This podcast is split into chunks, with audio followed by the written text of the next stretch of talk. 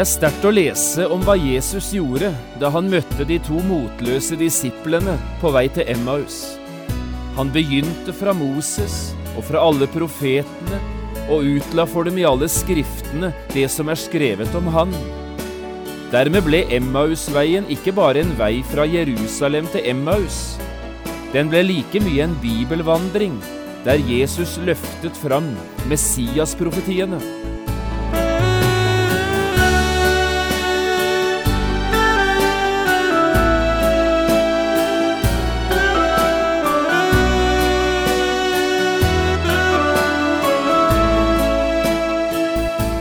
Hjertelig velkommen til et nytt program i serien Vindu mot livet. Programmet er produsert av Kristen Riksradio og blir ledet av Jon Hardang. Kristen Riksradio drives av frivillige gaver. Vi er glade for din støtte.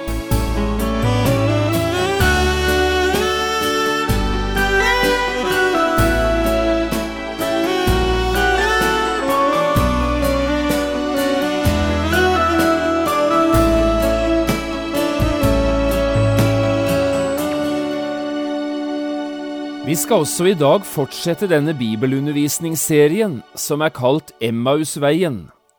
Dette er en serie som har tilknytning til påske, og vi skal i løpet av ni program lese og kommentere historien om Emmausvandrerne. Det er Lukas som forteller denne historien mot slutten av evangeliet sitt, og vi skal også nå i dag lese første delen av historien. Vi leser fra Lukasevangeliet, kapittel 24, og vers 13 til 27. Jeg har kalt dette tredje programmet Han begynte med Moses. Og vi leser. Og se, to av dem var samme dag på vei til en by som heter Emmaus, og ligger 60 stadier fra Jerusalem. Og de talte med hverandre om alt dette som var skjedd og det skjedde mens de samtalte og drøftet dette. Da kom Jesus selv nær til dem og slo følge med dem. Men deres øyne ble holdt igjen, så de ikke kjente ham. Han sa til dem, Hva er det dere går og samtaler om på veien? De sto da stille og så bedrøvet opp. Den ene av dem, som heter Kleopas, sa til ham, er du den eneste av dem som oppholder seg i Jerusalem, som ikke vet hva som er skjedd der i disse dagene? Han sa til dem, Hva da? De sa til ham, Det med Jesus fra Nasaret, en mann som var en profet, mektig i gjerning og ord, for Gud og hele folket. Og så hvordan våre ypperste prester og rådsherrer overga ham til dødsdom og korsfestet ham men vi håpet at han var den som skulle forløse Israel. Og nå er det alt tredje dagen siden disse ting skjedde. Men så har også noen av våre kvinner forferdet oss. Tidlig i dag morges var de ute ved graven, men de fant ikke hans legeme. Så kom de og fortalte at de hadde sett et syn av engler som sa at han lever. Noen av dem som var med oss, gikk da til graven. De fant det slik som kvinnene hadde sagt, men ham så de ikke. Da sa Jesus til dem, Så uforstandige dere er, og så trege i hjertet til å tro alt det som profetene har talt. Måtte ikke Messias lide dette, og så gå inn til sin herlighet? Og han begynte fra Moses, og fra alle profetene, og utla for dem i alle skriftene det som er skrevet om Han.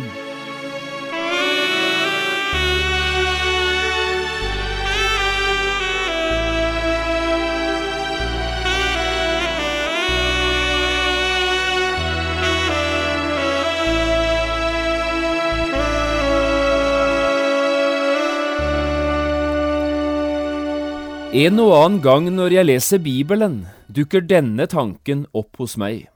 Tenk om jeg kunne ha vært til stede da dette skjedde. Tenk om jeg kunne ha vært øyenvitne til det som her foregikk. Jeg vet ikke om du har hatt slike tanker.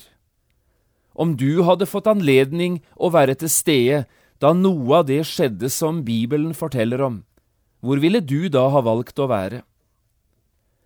Noen ville sikkert ha vært på Golgata. Andre ville gjerne ha vært vitne til et eller annet av de mange helbredelsesunderne Jesus gjorde. Og noen ville sikkert ha opplevd noe av det utrolige som skjedde helt tilbake i gammeltestamentlig tid. Vi er jo så forskjellige, vi mennesker, og derfor vil det nok også være stor forskjell på de ønskene den enkelte av oss hadde hatt. Dersom jeg kunne ha fått et slikt ønske oppfylt, er jeg i alle fall ikke i tvil om hvor jeg ville ha valgt å være til stede. Jeg ville ha gått Emmausveien sammen med Kleopas og den andre disippelen, og hørt hvordan Jesus selv holdt bibeltime om Messias-profetiene i Det gamle testamentet. Det må ha vært en fantastisk opplevelse. For denne bibelundervisningen hadde en helt utrolig virkning på de to som fikk høre den. Øynene deres ble åpnet så de kjente Jesus igjen, i lyset fra Skriftene. Deres hjerter ble tent i brann, føttene fikk ny kraft, og tungebåndene kom skikkelig på glid. Nå kunne de ikke la være å tale om det de hadde sett og hørt. Og hemmeligheten var altså denne. Jesus utla Skriftene for to fortvilte og motløse disipler. Det var som Jesu ord snudde opp ned, både på disiplene og på alt det de hadde trodd og ment. Jo, jeg kunne ha tenkt meg å være disippel nummer tre på Emmausveien. Det er rett og slett sterkt å lese hvordan Jesus oppførte seg da han skulle komme disse to motløse disiplene til hjelp. Hør hva det står her i vers 27. Han begynte fra Moses og fra alle profetene og utla for dem i alle skriftene det som er skrevet om han. Emmausveien ble altså ikke bare veien fra Jerusalem til Emmaus. Emmausveien ble også en bibelvandring der Jesus begynte å peke på alle de viktige profetiene og Messias, helt fra første Mosebok til profeten Malakias. Jesus fører de to disiplene inn i lyset fra Guds lampe, inn i lyset fra Guds ord. Og det samme gjør han senere samme kveld, da han kom inn til sine disipler gjennom stengte dører. Da står det slik om Jesus, fra vers 44. Hør på dette. Så sa han til dem, Dette er mine ord, som jeg talte til dere, mens jeg ennå var hos dere, at alt det måtte oppfylles som er skrevet om meg i Moselov og profetene og salmene. Da åpnet han deres forstand, så de kunne forstå Skriftene. Og han sa til dem, så står skrevet, at Messias måtte lide og oppstå fra de døde den tredje dag, og at i hans navn skal omvendelse og syndernes forlatelse forkynnes for alle folkeslag fra Jerusalem av. Dere er vitner om dette. Hele veien første påskedag er altså Jesus opptatt med det samme. Han utlegger Skriftene, slik at de som hører det, kan få tak i dette med Jesus, og dermed begynner hjertene å brenne. Det Jesus begynte med her, det gikk de første kristne videre med, når de skulle gi evangeliets hemmeligheter videre til stadig nye mennesker. La meg få gi deg også et eksempel på dette. Jeg tenker på Paulus' ord i første Korinterbrev og kapittel 15. Hør hvor likt det klinger her i vers 3–5 i forhold til det Jesus gjorde da han holdt bibeltime på Emmausveien. Paulus skriver det slik, For jeg overga dere blant de første ting, det som jeg selv mottok, at Kristus døde for våre synder etter Skriftene, at han ble begravet, og at han oppsto på den tredje dag etter Skriftene. Det sentrale i budskapet om Jesus er altså budskapet om hans død og hans oppstandelse. Dette er det budskapet de selv en gang fikk ta imot. Og nå er dette blitt den store oppgaven, å gi ordet om Jesus videre til stadig nye mennesker. Og kilden for dette budskapet er altså dette, Skriftene, de hellige Skriftene, Guds lampe eller Guds ord. La dette være til ettertanke også for deg og meg. Hvor finnes de som forkynner Guds ord på denne måten nå i dag? Hvis du kjenner noen som gjør det, ja, så be for dem. De er mer verdt enn gull. Og hvis du ikke kjenner noen som taler Guds ord på denne måten, ja, så vær med å be fram nye Jesusvitner, slike som er i stand til å utlegge budskapet om Jesus i samsvar med Skriftene i Det gamle testamentet. Det er utrolig viktig. Å, men vi har bruk for mennesker som er i stand til å løfte fram denne Skriftenes Messias. For bare slik blir Emmausveien gjort åpen og tilgjengelig også for mennesker i vår tid. Når vi nå har sagt det vi her har gjort, tror jeg det kan være nyttig å stanse noen minutter nettopp ved denne samlingen av skrifter som kalles Det gamle testamentet.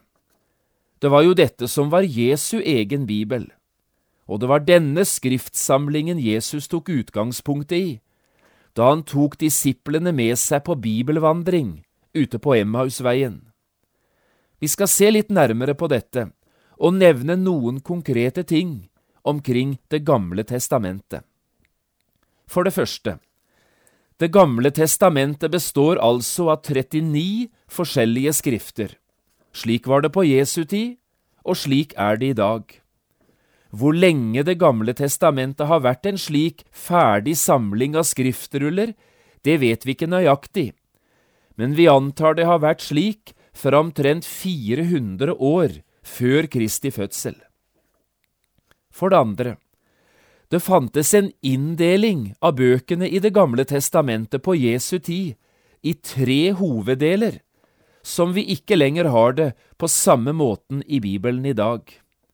Og rekkefølgen på alle skriftene i Det gamle testamentet er også blitt mye forandret siden Jesus levde. Det gamle testamentet på Jesu tid var altså delt inn i tre hoveddeler, og denne tredelingen finner vi faktisk nevnt to ganger i Det nye testamentet. Og hør nå, begge gangene her i Lukas 24, altså i det kapittelet vi sitter med rett foran oss. De tre delene var følgende. Først kom loven, som besto av fem Mosebøker. For det andre kom profetene. Det var en gruppe på 21 skrifter seks historiske bøker, Josvas bok, Dommernes bok, Samuelsbøkene og kongebøkene, og så i tillegg 15 profetskrifter. Det var alle profetskriftene vi har i Det gamle testamentet, med unntak av Daniels bok. Og så, for det tredje, kom skriftene, eller salmene. Dette var en samling av 13 poetiske skrifter og det er de bøkene som da er igjen, etter det vi nå har nevnt i de to første gruppene. La oss nå igjen se på Lukas 24. Så skal du se at nettopp disse tre hovedgruppene er nevnt to ganger av Jesus selv.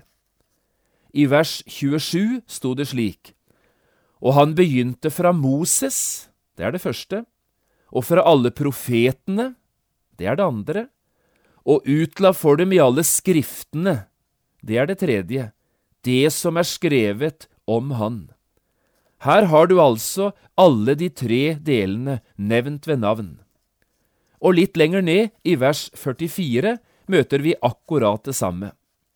Så sa han til dem, Dette er mine ord, som jeg talte til dere mens jeg ennå var hos dere at alt det måtte oppfylles som er skrevet om meg i Moselov og profetene og salmene. Her har du altså akkurat det samme.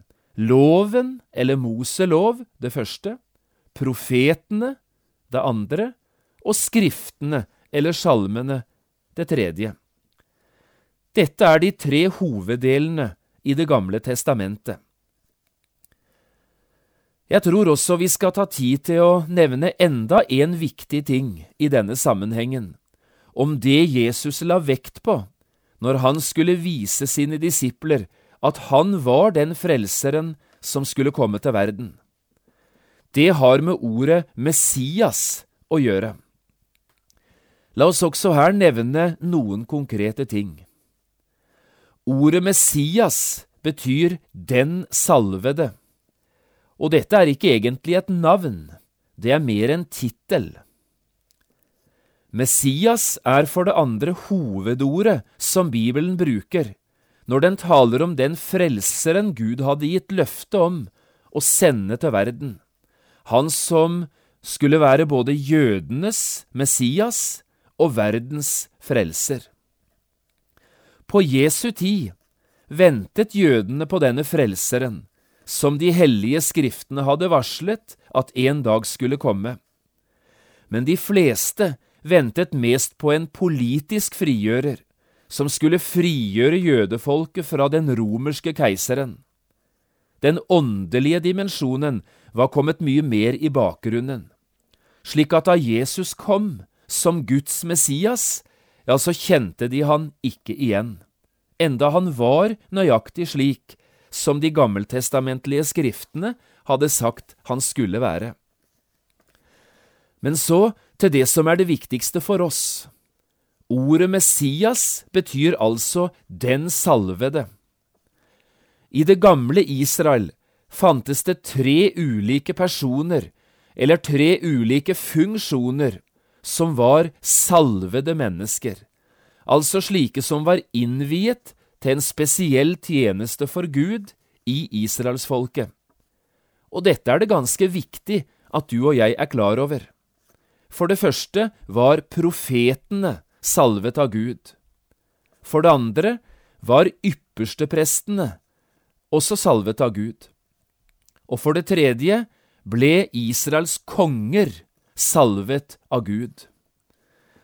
Profetene, yppersteprestene og kongene.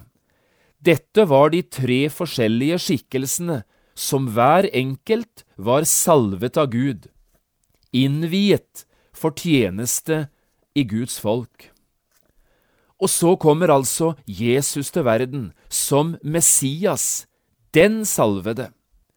Det betyr Jesus blir i én og samme person alt det som disse tre funksjonene i Det gamle testamentet hadde vært.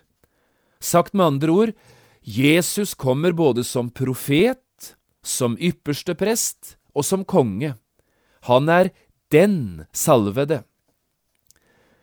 Det er derfor vi ofte taler om Jesu tredelte frelsergjerning. Vi snakker om at Jesus har en profetisk gjerning å gjøre, det betyr at han kom til verden for å forkynne Guds ord, for å forkynne evangeliet. Videre snakker vi om at Jesus har en ypperste prestlig gjerning å gjøre. Han kom til verden for å sone all verdens synd. Og for det tredje har han en kongelig gjerning å gjøre. Han skal styre og regjere som konge i det fullkomne Guds rike. Denne tredelingen er det ganske viktig å være klar over, for her får vi samlet og satt i system hele Jesu frelsergjerning, og vi får oversikt over hva Jesu gjerning går ut på, og det hadde vi ellers aldri vært i stand til å få. Nå er det mange ting å si om denne tredelingen av Jesu frelsergjerning. Det er det ikke anledning til å gjøre her. Jeg skal bare for oversiktens skyld nevne én ting til. Jesu profetiske gjerning er altså hans gjerning som forkynner. Denne gjerningen tok Jesus selv hånd om så lenge han var i verden. Men i dag er denne gjerningen overlatt til oss, Nå er det du og jeg som har ansvaret for å forkynne evangeliet her i verden. Jesu ypperste prestlige gjerning, derimot, den ble avsluttet mens Jesus var her på jord. Den ble gjort ferdig på Golgata, der Jesus sonet all verdens synd, én gang for alle. Ingen verken kan eller skal legge noe til av det Jesus her gjorde. Jesu kongelige gjerning er Jesus allerede i gang med å utføre, men hans rike er ikke av denne verden. Nå regjerer Jesus i et usynlig, himmelsk rike. Her i verden er han fremdeles en forkastet konge. Men en dag, sier Bibelen, skal dette forandre seg. Da skal Jesus regjere synlig som konge over en hel verden, full av fred. La oss så til slutt gå tilbake til historien om de to Emmaus-vandrerne. For også i det disse forteller til Jesus, kommer det tydelig fram at det er denne Skriftenes Messias de har ventet på. Når Jesus begynner å snakke med dem og spør hva det er de går og samtaler om på veien, ja, så svarer Emmaus-vandrerne tydelig. De sa til ham, dette med Jesus fra Nasaret, en mann som var en profet, mektig i gjerning og ord for Gud og hele folket. Hører du det? De venter på en profet. Og så fortsatte de, og hvordan våre ypperste prester og rådsherrer overga han til dødsdom og korsfestet ham. Uten at de selv egentlig er klar over det, så er det ypperste presten de her beskriver. Jesus døde jo til soning for alle våre synder. Og så i vers 21, men vi håpet at han var den som skulle forløse Israel. De ventet altså på den lovede frelserkongen. Jo, Emmaus-vandrerne, de visste hva de håpet på, og hvem de ventet på. De ventet på Messias, profeten, ypperstepresten og kongen. De ventet på Guds salvede. I de neste programmene skal vi nå ta fatt i disse tre titlene profeten, ypperstepresten og kongen. Og så skal vi prøve å lete i Det gamle testamentet etter noe av det Jesus kan ha lest her på Emmausveien, for å vise disiplene at han var nøyaktig slik som Det gamle testamentet sa at Messias skulle være. Og det kan jeg love deg dette er utrolig interessante ting å være opptatt med. Nå må du bare sørge for at du får med deg det vi her skal tale om. Det er noe av det viktigste som finnes i hele Bibelen.